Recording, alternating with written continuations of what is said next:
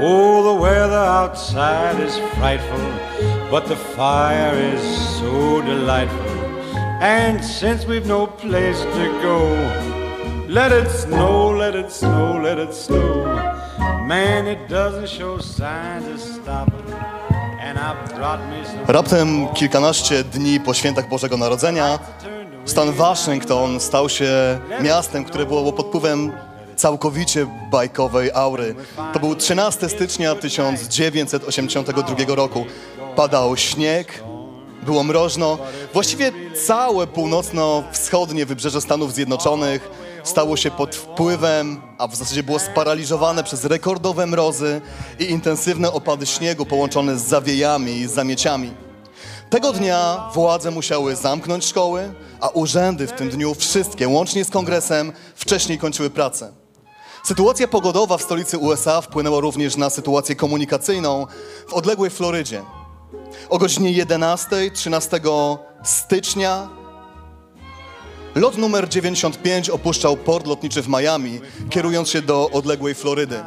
Tego samego dnia 13-letni Boeing 737-222B o numerze rejestracyjnym N62AF miał znów wrócić z Waszyngtonu do słonecznej Florydy, do portu Lauderdale przez Tampa.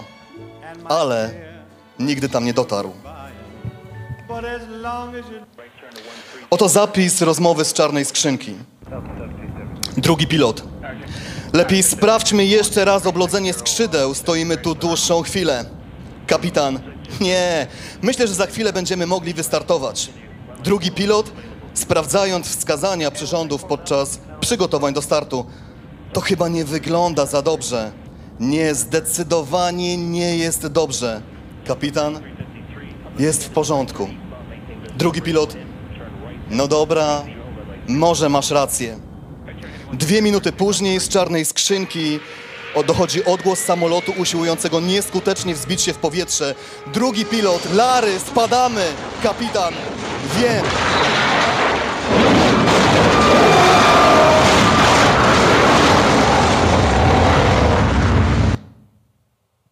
Na pokładzie lotu 90 w chwili katastrofy znajdowało się 79 osób, w tym trójka dzieci i pięcioro członków załogi.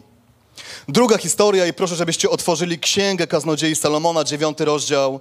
Będziemy czytać z Biblii Warszawskiej wersety od 13 do 18. Widziałem również taki przykład mądrości pod słońcem i wydała mi się wielką. Było małe miasto i niewielu w nim mieszkańców. Wyruszył przeciwko niemu wielki król, oblekł je i wystawił przeciw niemu potężne machiny oblężnicze, a znajdował się w nim pewien ubogi mędrzec. Ten mógłby był wyratować to miasto swoją mądrością, lecz nikt nie wspomniał tego ubogiego męża. Wtedy powiedziałem sobie: Mądrość jest lepsza niż siła, lecz mądrość ubogiego jest w pogardzie i jego słów się nie słucha. Słowa mędrców, które znajdują posłuch, są lepsze niż krzyk władcy głupców. Dwie pozornie różniące się od siebie historie. Dzieli je 9,5 tysiąca kilometrów, wydarzyły się w różnych epokach, mają różnych bohaterów, ale jednak łączy je pewien wspólny i bardzo niepokojący czynnik. Otóż zarówno w jednej historii, jak i w drugiej źle rozpoznano autorytet i w jednej, jak i w drugiej historii zakończyło się to tragedią. Dzisiaj mówimy o autorytecie i postaramy się znaleźć odpowiedzi na kilka pytań. Pytanie pierwsze: kto w świetle Biblii jest autorytetem, a komu tylko tak się wydaje? Kto za taki uchodzi? Pytanie numer dwa: jaka droga prowadzi do miejsca autorytetu, przywództwa i wpływu? Ile to kosztuje i czy w ogóle opłaca się na nią wejść? Wreszcie, czy autorytetom w kościele należy się posłuszeństwo, szacunek? a może wyłącznie wysoko oprocentowany kredyt zaufania? I ostatnie pytanie, czy w kościele autorytety są potrzebne i czy w czasie globalnej dezinformacji ktokolwiek jeszcze rozumie, czym jest pojęcie autorytetu? John Stott w doskonałym wydawnictwie zatytułowanym Chrześcijani na problemy współczesnego świata jest tłumaczenie na polski. Wymienia pięć cech przywódcy, które pozwalają nazwać go autorytetem. I są to autorytet ma wizję. Autorytet jest pracowity. Autorytet jest wytrwały. I teraz moje ulubione, choć coraz rzadsze, autorytet ma serce sługi. I najtrudniejsza z rzeczy, autorytet jest zdyscyplinowany. Skupmy się na punkcie pierwszym. Autorytet musi mieć wizję. Spróbujmy zdefiniować, czym jest wizja, dlatego że w dzisiejszym kościele, nawet nie w świecie, ale w kościele, istnieje bardzo wiele definicji, często nadużyć i nie zrozumie, czym faktycznie jest wizja. Ja przez większość swojego życia byłem przekonany, że nie mam żadnej. Dlatego, że nigdy nie miałem wizytacji anielskiej, gwiazdy na niebie nigdy nie ułożyły mi się w napisy, ani nie miałem żadnych widzeń. To nie jest śmieszne, było mi z tym trudno. Szczególnie kiedy ktoś przychodził i mówił mi: Słuchaj, mam wizję. No ale ja nie mam.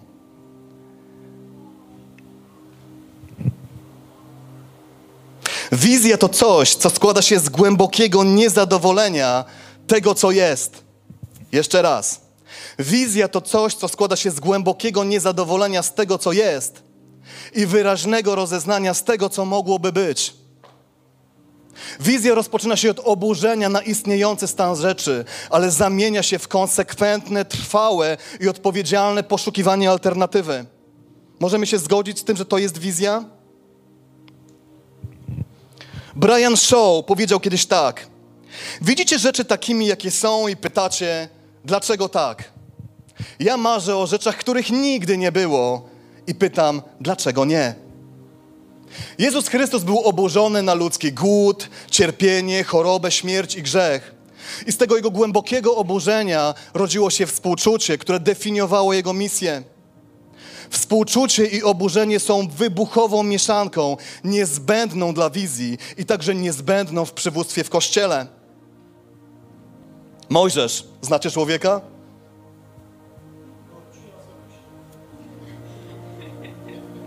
To zdrowo to zdrowo. Mojżesz, widząc cierpienie, widząc wyzysk i widząc pohańbienie swoich braci Izraelitów w Egipcie, miał w serduchu potężne oburzenie.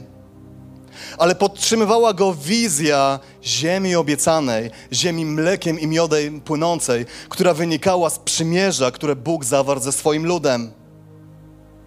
Nehemiasz, znasz?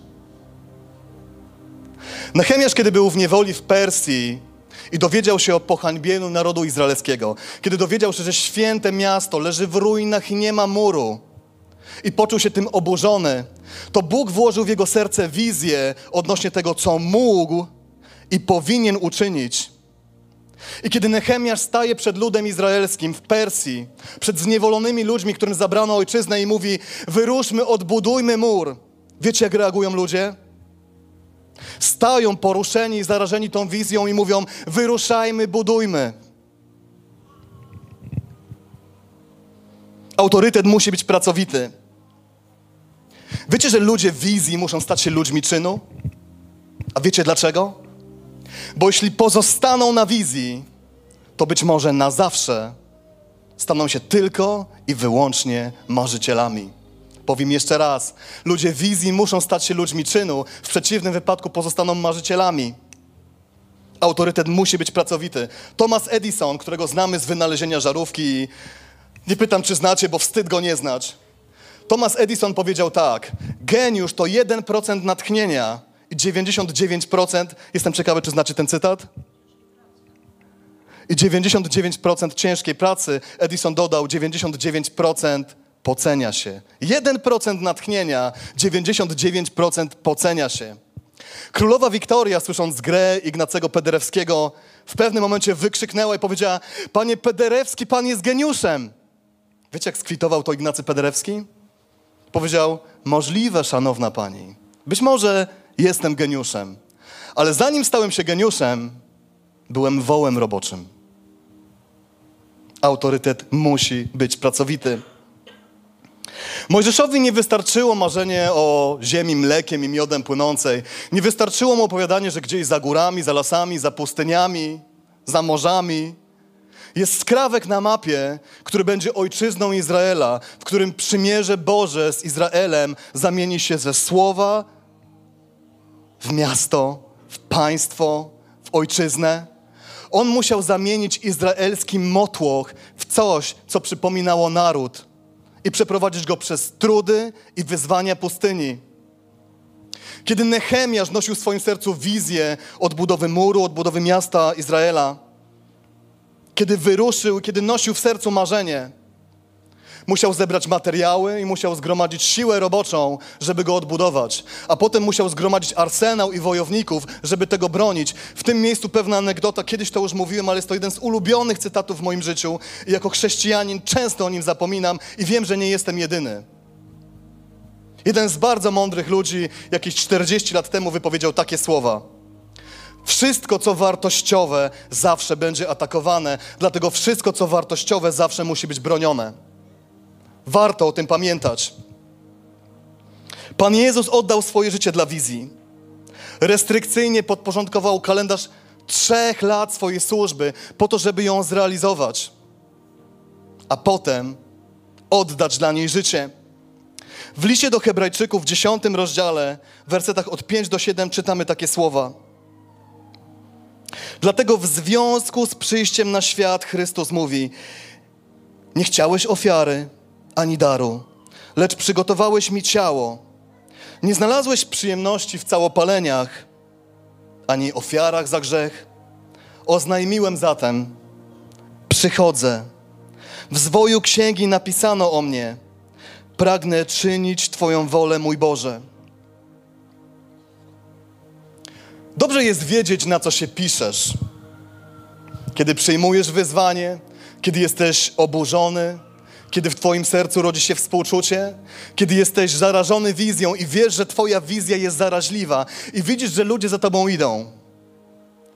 Dobrze jest wiedzieć, że wizja, bez względu na to, jak górnolotna, ostatecznie sprowadza się do brutalnego kontaktu z ziemią.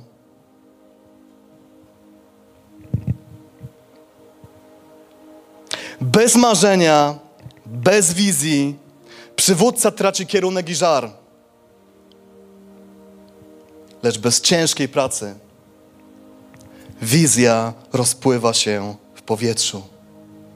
Bez marzenia i bez wizji przywódca traci kierunek i żar, ale bez ciężkiej pracy wizja rozbija się w powietrzu. Autorytet musi mieć wizję, autorytet musi być pracowity. Punkt trzeci, autorytet musi być wytrwały. Jestem człowiekiem, który bardzo lubi uczyć się z historii. To nie tak, że lubię uczyć się historii, że przepadam za historią. Absolutnie nie. Gdybyście zapytali mnie o jakieś daty, to może jestem w stanie powiedzieć o bitwie pod Cedynią, bitwie pod Grunwaldem. Wiem, kiedy wybuchła, kiedy skończyła się II wojna światowa, ale jeśli wejdziemy w szczegóły,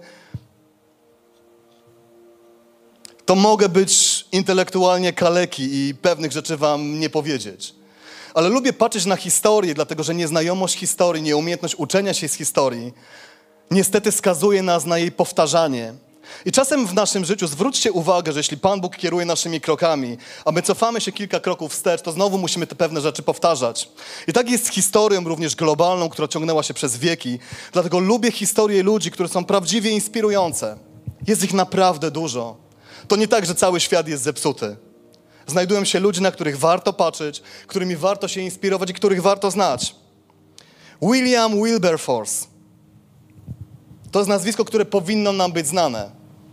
Pomijam fakt, że człowiek był wierzący i że historia jego życia zapisała się w czasach, kiedy Wielka Brytania przeżywała przebudzenie, ale to nawet nie w tym rzecz. William Wilberforce, czyli brytyjski polityk, filantrop i działacz na rzecz ruchu abolicjonistycznego, czyli takiego, który miał na celu zniesienie niewolnictwa, kiedy rozpoczynał swoją służbę i stanął przed brytyjską izbą gmin jako bardzo młody człowiek, powiedział takie słowa, mówiąc o niewolnictwie. Niegodziwość tego procederu jest tak wielka, tak straszna i tak nie do naprawienia, że postanowiłem całkowicie poświęcić się zniesieniu niewolnictwa. Niech konsekwencje będą sobie jakie są. Od tej pory postanawiam, że nie spocznę, dopóki nie doprowadzę do zniesienia niewolnictwa.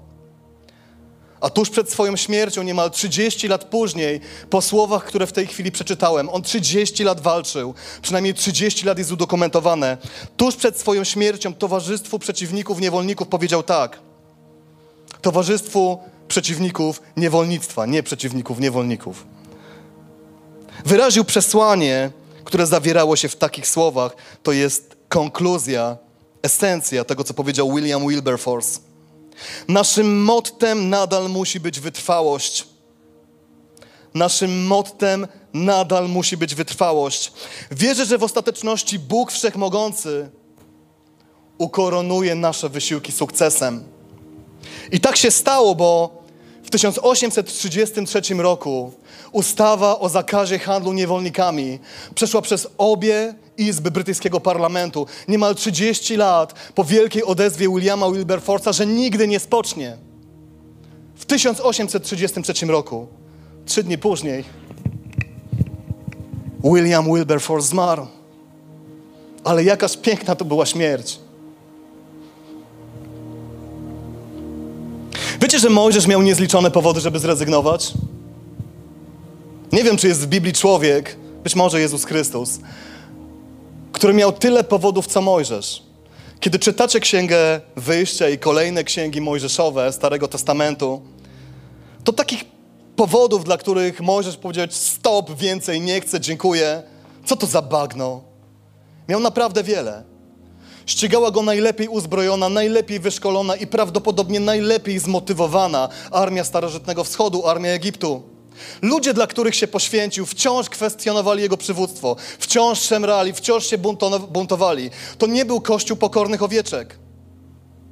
Jego zwiadowcy w znakomitej większości przynosili mu raporty, które raczej podcinały skrzydła i były zarzewiem zwątpienia wśród narodu izraelskiego.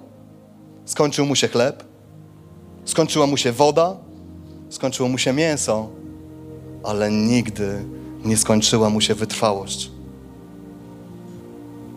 Jezus Chrystus, wcielony Bóg, nasz Zbawiciel, Pan, bez którego nie byłoby nas tutaj, a w tym miejscu najpewniej byłaby restauracja.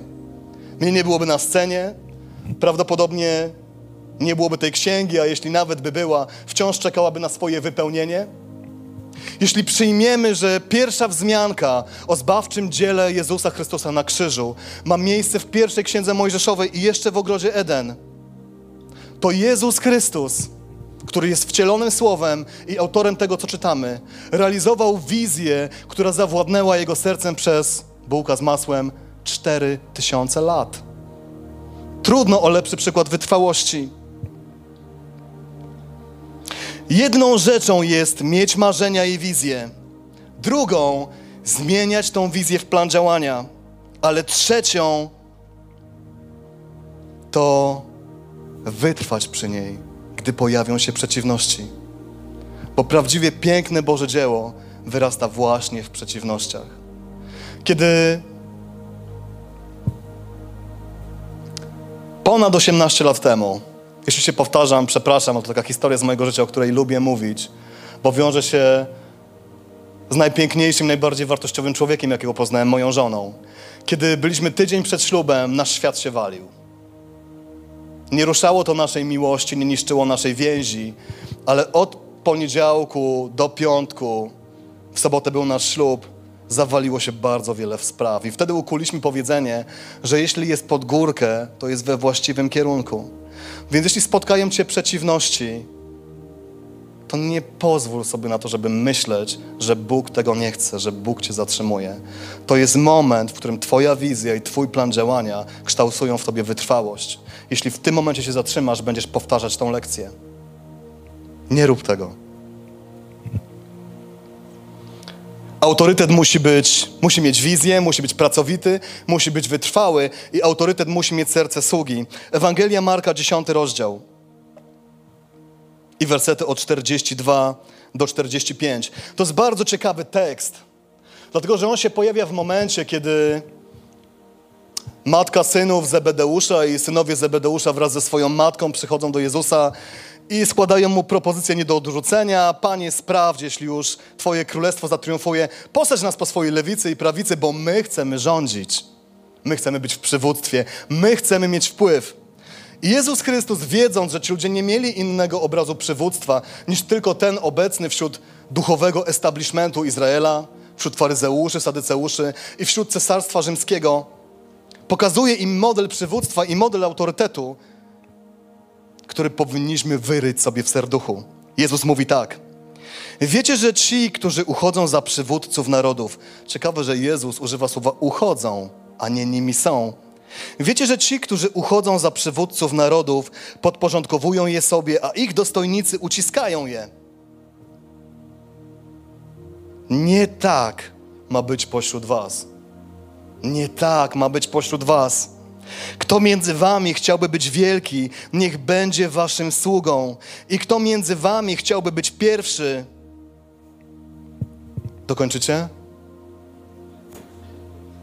Niech będzie sługą wszystkich. Wiecie, jak myślę o tym,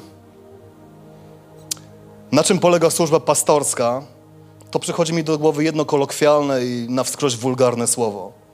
Przerąbane. Sługa wszystkich?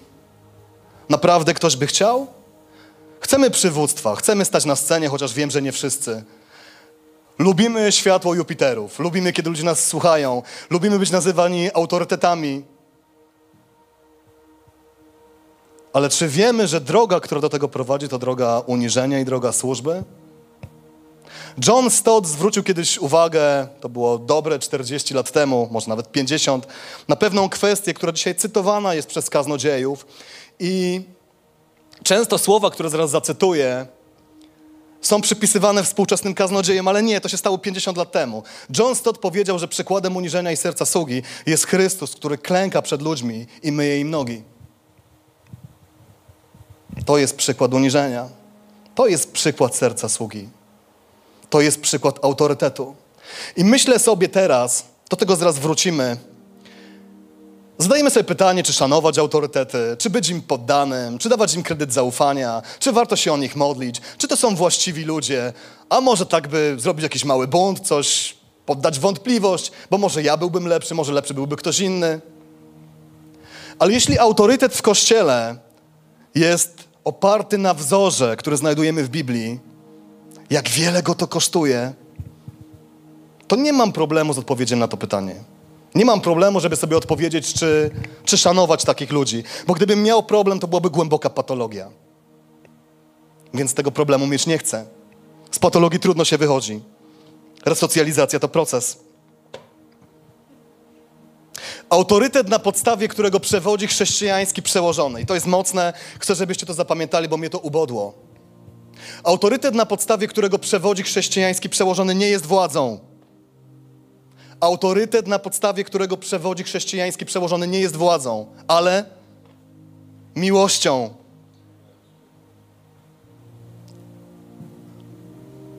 Nie jest przymusem, lecz przykładem. I nie jest siłą, ale motywacją. To jest autorytet w kościele. Innego nie ma. W przeciwnym wypadku jest to uzurpator. Służba nie jest kierunkiem. A, coś wam jeszcze opowiem. Bałem się, że to kazanie będzie za krótkie i przypominają mi się pewne rzeczy. Bogu dzięki. Jakieś 20 lat temu obejrzałem reportaż, chyba nawet w telewizji publicznej. Wtedy jeszcze miałem telewizję i wtedy jeszcze oglądałem telewizję publiczną. Dzisiaj już tego nie robię i nie muszę tłumaczyć dlaczego. I obejrzałem reportaż o lekarzach bez granic, którzy wyjeżdżają do Afryki i pomagają ludziom, których nie stać na służbę medyczną. Są w krajach, w których w ogóle nie ma szpitali, a służba medyczna to w najlepszym wypadku jakieś semantyczne nadużycie, bo czegoś takiego tam zwyczajnie nie ma. I któregoś z tych lekarzy, to była chyba lekarka, na pewno lekarka, zapytano, dlaczego to robisz? I ona odpowiedziała coś, z czym się nie zgadzam. Powiedziała tak. Jesteśmy tutaj, żeby zebrać doświadczenie, bo tutaj zbiera się doskonałe doświadczenie, żeby potem wrócić do Europy i być doskonałymi lekarzami. I pomyślałam sobie, come on, Naprawdę jesteś tutaj dla kariery? Nie dla tych ludzi? Nie żeby im pomóc? Nie żeby im służyć? Nie jesteś z potrzeby serca, tylko portfela, kariery, ambicji? Służba nie jest kierunkiem do osiągnięcia celu, jakim jest pozycja wpływu, autorytetu i władzy, ale jest celem samym w sobie. Tak myślmy o służbie. Nie jest środkiem do osiągnięcia celu, jest celem samym w sobie. Królestwie Bożym, w Kościele, służba nie jest trampoliną do zaszczytu. To ona jest zaszczytem, jedynym uznawanym rodzajem zaszczytu i godności. Więc jeśli nie rozpoczynasz swojej drogi w Kościele od służby, nie myśl o przywództwie. Nawet jeśli nad Twoim życiem jest powołanie, nawet jeśli w sercu nosisz wizję, nosisz marzenia, jesteś oburzony i masz pełno współczucia. Zanim wejdziesz w miejsce wpływu, autorytetu i władzy, stań się sługą. Pamiętaj o Chrystusie, który klęczy przed stworzeniem i umywa mu nogi. Come on, co tam się wydarzyło? To jest obraz służby. To jest obraz autorytetu, który chce naśladować. Oswald Sanders powiedział kiedyś tak: Prawdziwa wielkość, prawdziwe przywództwo osiąga się nie poprzez zmuszanie ludzi, by nam służyli, ale przez oddanie im siebie w bezinteresownej służbie. Autorytet musi być zdyscyplinowany. P.F. Druckner powiedział kiedyś takie słowa: Silni ludzie zawsze mieli równie silne słabości. Silni ludzie zawsze mieli równie silne słabości. I wiecie, jak pisałem to kazanie, miało w ogóle wyglądać zupełnie inaczej. E, chciałem powiedzieć, czym autorytet nie jest. I teraz trochę na ten temat powiem. Autorytet nie jest omnibusem. Autorytet nie jest źródłem wiedzy wszelakiej. Autorytet nie jest bezbłędny. Autorytet nie jest idealny. Autorytet nie jest wszechobecny. Autorytet nie jest wszechkochający. Autorytet nie jest, nie jest, nie jest i tak możemy mówić. Autorytet na pewno nie jest ideałem. Autorytet to nie jest celebryta z Facebooka, który wypowiada się w każdej możliwej sprawie. Autorytet to sługa, który jest zdyscyplinowany i który ma swoje wady. Bohater narodowy Izraela, król Dawid, człowiek, o którym wspomina się za każdym razem, jeśli chcemy w Żydach wzbudzić taki patriotyczny zew, bo król Dawid był bohaterem Izraela. Był i jest nadal. Nie wiem, czy zdajemy sobie sprawę, że król Dawid złamał wszystkie pięć przekazań drugiej tablicy praw. Dopuścił się morderstwa, kradzieży, cudzołóstwa, porządliwości i złożenia fałszywego świadectwa w zaledwie jednym buncie, moralnym buncie z Betrzebą. Prawy Noe upił się na umór Wierny Abraham zaryzykował czystość swojej małżonki tylko dlatego, żeby chronić swoje cztery litery. A człowiek, o którym Jezus Chrystus mówi, że był największym z ludzi stąpających po ziemi, Jan Chrzciciel, został pokonany przez co? Największy z ludzi? Przez zwątpienie. Dlatego nie myśl, że autorytet i lider to jest ktoś, kogo nie da się złamać, bo się da. Więc w czym wyraża się jego dyscyplina? Bo przecież mówimy o zdyscyplinowanym autorytecie.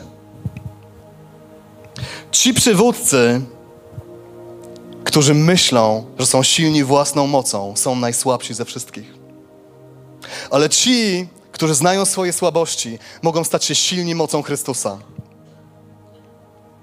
W czym wyraża się owa dyscyplina? W nieustannym pogłębianiu znajomości Bożej łaski, która jest większa niż czekające nas wyzwania w samotnym poszukiwaniu więzi z Ojcem i uzupełnianiu zasobów swoich sił, w cierpliwości oczekiwaniu na Pana i zaufaniu, ponieważ to On zmęczonemu daje siłę, a bezsilnemu moc w obfitości.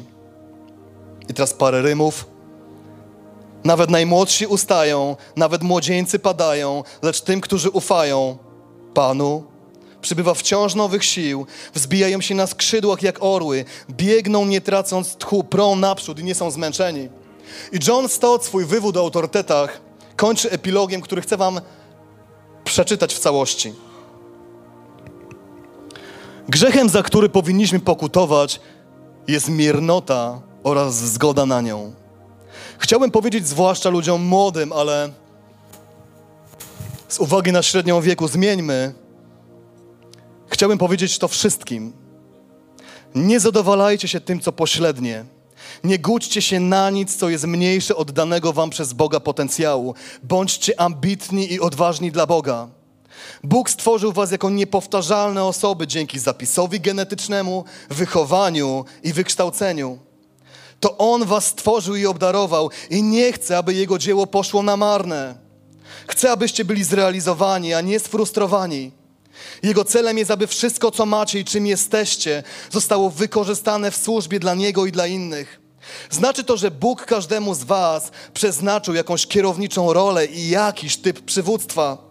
Musimy zatem z całego serca szukać Jego woli i prosić Go, aby dał nam wizję tego, do czego nas w życiu powołał i modlić się o łaskę, abyśmy wytrwali w posłuszeństwie wizji nieba. Dopiero wtedy możemy mieć nadzieję, że usłyszymy, jak Chrystus mówi te najbardziej pożądane słowa. Dobrze się spisałeś, sługo dobry i wierny. Dobrze się spisałeś, sługo dobry i wierny. Chcielibyście to usłyszeć? Ja bardzo. Czasem mam wątpliwości, czy usłyszę, ale bardzo chcę to usłyszeć. Jakiś czas temu zostałem zapytany przez swoją nauczycielkę angielskiego, co chciałbym usłyszeć od Boga, kiedy wreszcie się z Nim spotkam. Powiedziałem coś zupełnie innego, ale wczoraj przygotowując kazanie uświadomiłem sobie, że nie ma lepszych słów niż te. A teraz porozmawiajmy trochę o praktyce. Jak wygląda władza, zwierzchnictwo i autorytet w Kościele. Teoria jest piękną rzeczą, możemy być nią poruszeni, ale praktyka czasami boli i jest dla nas niewygodna. Kilka prostych punktów. Dzieje apostolskie, rozdział 20, wersety od 28 do 29 i przeczytam z Biblii Warszawskiej. Miejcie pieczę o samych siebie, i to mówi apostoł Paweł do przywódców Kościoła. Miejcie pieczę o samych siebie i o całą trzodę, w której was Duch Święty ustanowił biskupami, abyście paśli zbór pański nabyty własną Jego krwią. Ja wiem, że po odejściu moim wejdą między was wilki drapieżne i nie oszczędzą trzody. Co zatem robi przywódca w Kościele? Ochrania mnie i ochrania ciebie. Jeśli Kościół jest zagrożony, to najbardziej poharatani są ci, którzy stają w pierwszej linii frontu jako pretorianie, którzy pierwsi idą na bój.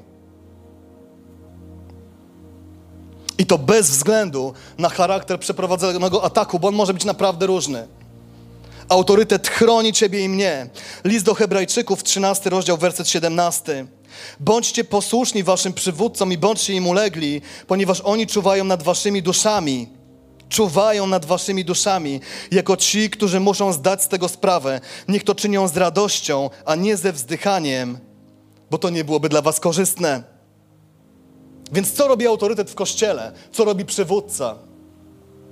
Troszczy się o mój i Twój duchowy rozwój poprzez dostarczenie nam wysokokalorycznego pokarmu w postaci przygotowanego słowa i to pod presją, bo wiecie, świadomość, że mamy zdać sprawę z każdego wypowiedzianego z kazalnicy do kościoła słowa, nie zawsze pomaga.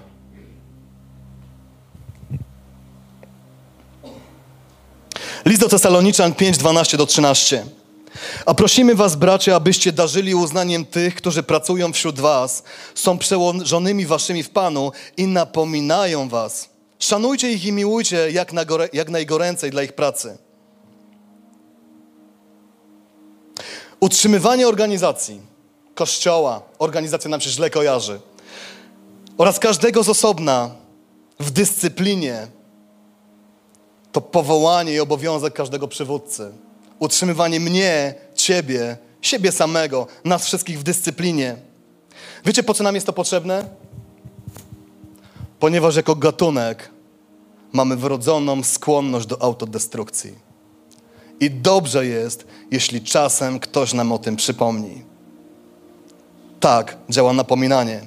Jedną tutaj przyszła mi do głowy pewna myśl. Ja nawet nie wiem, czy powinienem to mówić, do końca nie jestem przekonany, czy jestem w stanie to biblijnie uzasadnić i być może moje zdanie jest mocno tylko i wyłącznie moje, nie musicie się z nim zgadzać.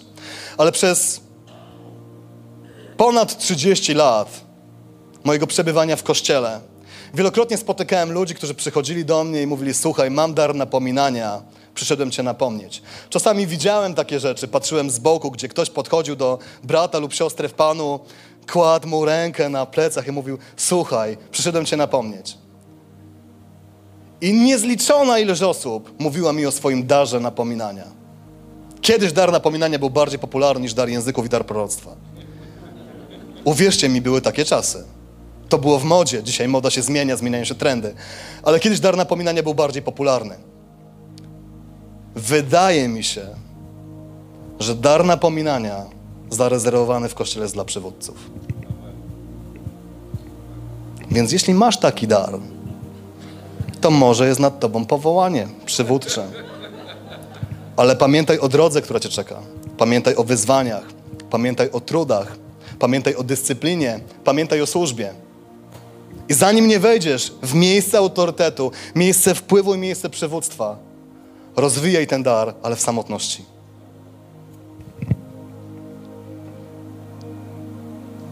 Przekazywanie autorytetu. Zauważyliście kiedyś, jak modlimy się o ludzi, których powołujemy na stanowiska o zwiększonej odpowiedzialności, że wywołujemy ich na środek i modlimy się z nałożeniem rąk? Ktoś to widział kiedyś? A wiecie, dlaczego tak się dzieje? Fragmentów w Biblii jest więcej, ale wybrałem ten, który jest najbardziej epicki. Księga Liczb, 27 rozdział, wersety od 18 do 20, potem od 20 do 23 oraz powtórzonego prawa 34. Nie musicie otwierać, przeczytam. Pan odpowiedział na to Mojżeszowi i mówimy o momencie, w którym Mojżesz oddaje przywództwo komuś innemu. Przywołaj do siebie Jozłego, syna Nuna. Jest to człowiek obdarzony duchem. Na nim połóż swoją rękę. Postaw go też przed kapłanem Eleazarem oraz przed całym zgromadzeniem i w obecności wszystkich przekaż mu swój urząd. Przekaż mu też część swej godności, tak aby miał posłuch u wszystkich w Izraelu. Mojżesz postąpił tak, jak mu polecił Pan. Przywołał Jozłego, postawił go przed kapitanem Eleazarem, przed całym zgromadzeniem, położył na nim swoje ręce i przekazał mu swój urząd. Stało się tak, jak to oznajmił Pan za pośrednictwem Mojżesza. I teraz jest bardzo ciekawy fragment. Wiecie, ja jestem mało charyzmatyczny. Jak ktoś mnie zna prywatnie, czasem czuję się bardziej baptystyczny niż zielonoświątkowy. Ale ten fragment jest niesamowity, bo pokazuje, a zresztą sami zobaczcie, co pokazuje. To z powtórzonego prawa 34:9. Pełen ducha mądrości był teraz Jozue, syn Nuna. Ponieważ Mojżesz niegdyś włożył na niego ręce. Dlatego to robimy. To nie jest procedura. To jest duchowe prawo, któremu chcemy być posłuszni. Mojżesz nie tylko przekazał Jozłemu pozycję duchowej mądrości i czci, porcję duchowej mądrości i czci, którą wcześniej sam otrzymał od Boga, ale też publicznie potwierdził przed całym zgromadzeniem Izraela, że Bóg wybrał Jozłego na swojego następcę. Czy mogę prosić o przenikający do głębi serca podkład muzyczny? Dziękuję. Teraz się będziemy indoktrynować. Żartuję. Mamy taki zwyczaj, podoba mi się on. To jest pierwszy kościół, w którym usługuję, kiedy w tle gra muzyka. Lubię to. Nie przeduchawiam, po prostu lubię.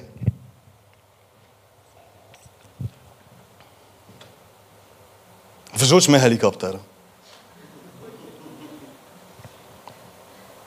Poczekam.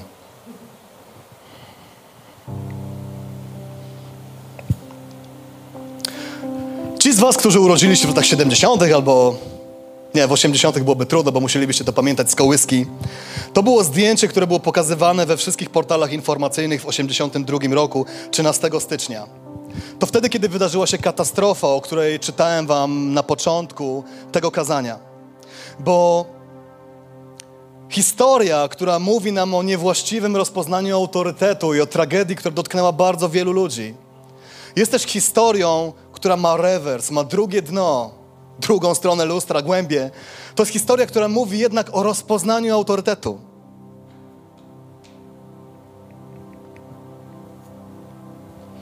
Katastrofę przeżyło tylko pięć osób znajdujących się na pokładzie.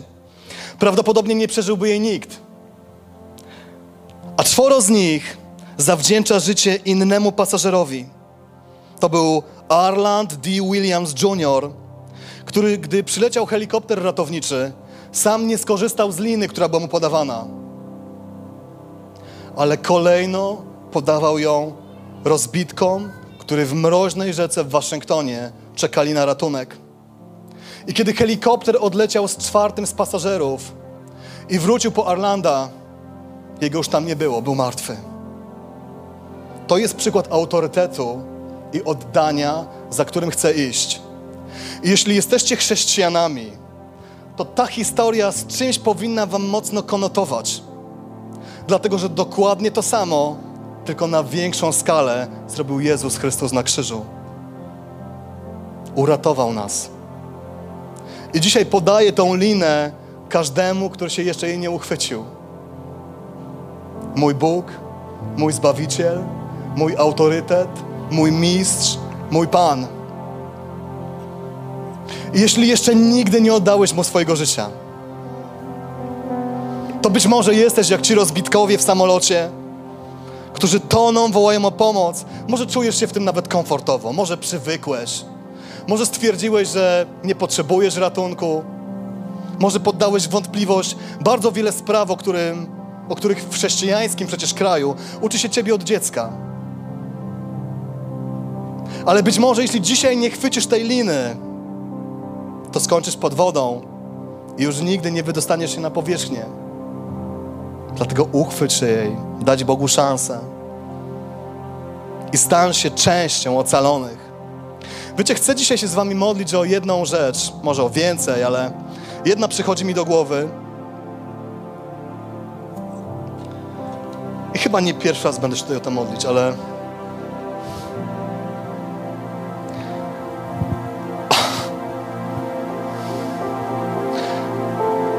Ja jestem albo bywam głęboko niedowartościowanym człowiekiem. Często kompleksy, które miałem, prowadziły mnie tylko do miejsca odosobnienia, introwertyzmu, samotności i miałem się z Bożym powołaniem, które Pan Bóg dla mnie miał. Ja, autorytet, dajcie spokój. To, że tutaj stoję, czasami mam wrażenie, że to jest wypadek przy pracy, ale jednak tutaj jestem. I wiem, że wielu z Was Wiem, że wielu, bo z wieloma na ten temat rozmawiam, może mieć o sobie podobne myśli. Nie nadaje się, za mało kocham ludzi, nie potrafię być sługą, a ktoś kocha za mocno. Może myślisz o sobie, że jesteś za mało zdyscyplinowany, że brakuje ci motywacji, że jesteś za mało pracowity i że nie masz wizji. A może masz wizję i ona kisi się w twoim sercu jak kilkudniowy żur, aż w końcu zachodzi grzybem i męczy cię to od środka. I chciałbyś wejść w miejsce, w którym wiesz, że ta wizja będzie zaraźliwa, w którym wiesz, że będziesz szedł do miejsca, które Pan Bóg dla ciebie ma. I już nie ty będziesz musiał chwytać linę, ale to ty będziesz podawać ją innym. Chcę się modlić o tych z was, którzy mają takie rzeczy w sercu. I teraz będzie szantaż. Proszę powstańcie wszyscy. Lubię nazywać rzeczy po imieniu. To jest szantaż, perswazja i manipulacja. A myślicie, że ta muzyka w tle to nie socjotechnika? Powiedziałem sobie, że jeśli nikt nie wyjdzie do modlitwy, to stoję tutaj ostatni raz. Bo nie wierzę, że nie ma na tym miejscu chociaż jednej osoby, która nosi w swoim sercu marzenie i wizję, ale jest ona tylko jej marzeniem i tylko jej wizją. A chcę Ci powiedzieć, że Bóg powołuje Cię nie dla Ciebie. Wiecie, po co Bóg daje nam owoce Ducha Świętego? Po co je rodzimy? Dla siebie? Egoiści. Po to, żeby ktoś inny mógł z nich skorzystać.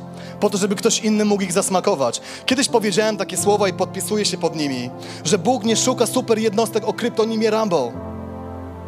Często jest tak, że na czele przebudzenia i na czele Kościoła stoi, stoi jedna jedyna osoba. Ale nie dlatego, że tak miało być, tylko że nie zostawiliśmy Panu Bogu wyboru. Bo zostaliśmy w rzędach Kościoła, swojego życia, swoich kompleksów, swoich ambicji, swoich frustracji, swoich zranień, swojego nieprzebaczenia. Lista jest nieskończona. Dlatego chciałbym tych z Was, którzy noszą w sercu wizję, zaprosić na środek. Adrian, dzięki. To znaczy, że kiedyś jeszcze będę głosić. A ci z Was, którzy już realizują wizję, proszę, żeby też wyszli i pomodlili się o tych, którzy tej wizji albo potrzebują, albo ją mają, ale potrzebują jej zrealizować. Dlaczego? I nałóżcie na nich ręce. Jak nie chcą, to po prostu wyciągnijcie w ich stronę. Bo pełen ducha mądrości był teraz Jozue, syn Nona, ponieważ Mojżesz nałożył kiedyś na niego ręce. Przyjmijmy błogosławieństwo od siebie. Możemy to zrobić? Ja będę modlił się na głos. Poproszę zespół, nawet chyba nie muszę prosić, bo się pojawia. Będę się modlić, zespół zaraz zacznie śpiewać. Proszę tych z Was, którzy mają wizję, żeby modlili się o tych, którzy jej potrzebują. I nie bójcie się mówić o swoich wizjach. Nie bójcie się mówić o swoich problemach. Wiecie, że prawda wyzwala? Więc nie zachowujcie jej dla siebie. Jeśli masz w swoim sercu wizję, nie siedź teraz w krześle. W krześle. Nie siedź na krześle, nie zostawaj w rzędzie. Nie bądź gdzieś z tyłu. Panie, dziękuję Ci że Ty jesteś dawcą powołania. Dziękuję za to, że Ty jesteś inspiracją. Dziękuję, że jesteś autorytetem. Dziękuję Ci, że nas kochasz. I dziękuję za to, że Ty możesz rządzić w naszym sercu. Dziękuję za to, że Ty jesteś tym, który współdziała z nami ku dobremu zawsze. Że jeśli coś rozpoczynasz w naszym życiu, to konsekwentnie to realizujesz i, i nigdy nie przestajesz, aż, aż nie zobaczysz ostatecznego rezultatu. Panie, ja proszę Ciebie o to, żebyś wzbudził w nas oburzenie, żebyś wzbudził w nas współczucie, żebyś obdarzył nas wizją, żebyś obdarzył nas marzeniami. Panie, ja proszę Cię, żebyś uczynił w nas serce mięsiste, pracowite, konsekwentne, zdyscyplinowane i uniżone serce sługi. Panie, błogosławię Ciebie i dziękuję Ci za to, że nie ma przypadków. Dziękuję za to, że nie ma przypadków w Kościele. To, co dzieje się tutaj, dzieje się dlatego, że Ty tak chciałeś. Niech zacznie się nowe, niech przyjdzie nowe.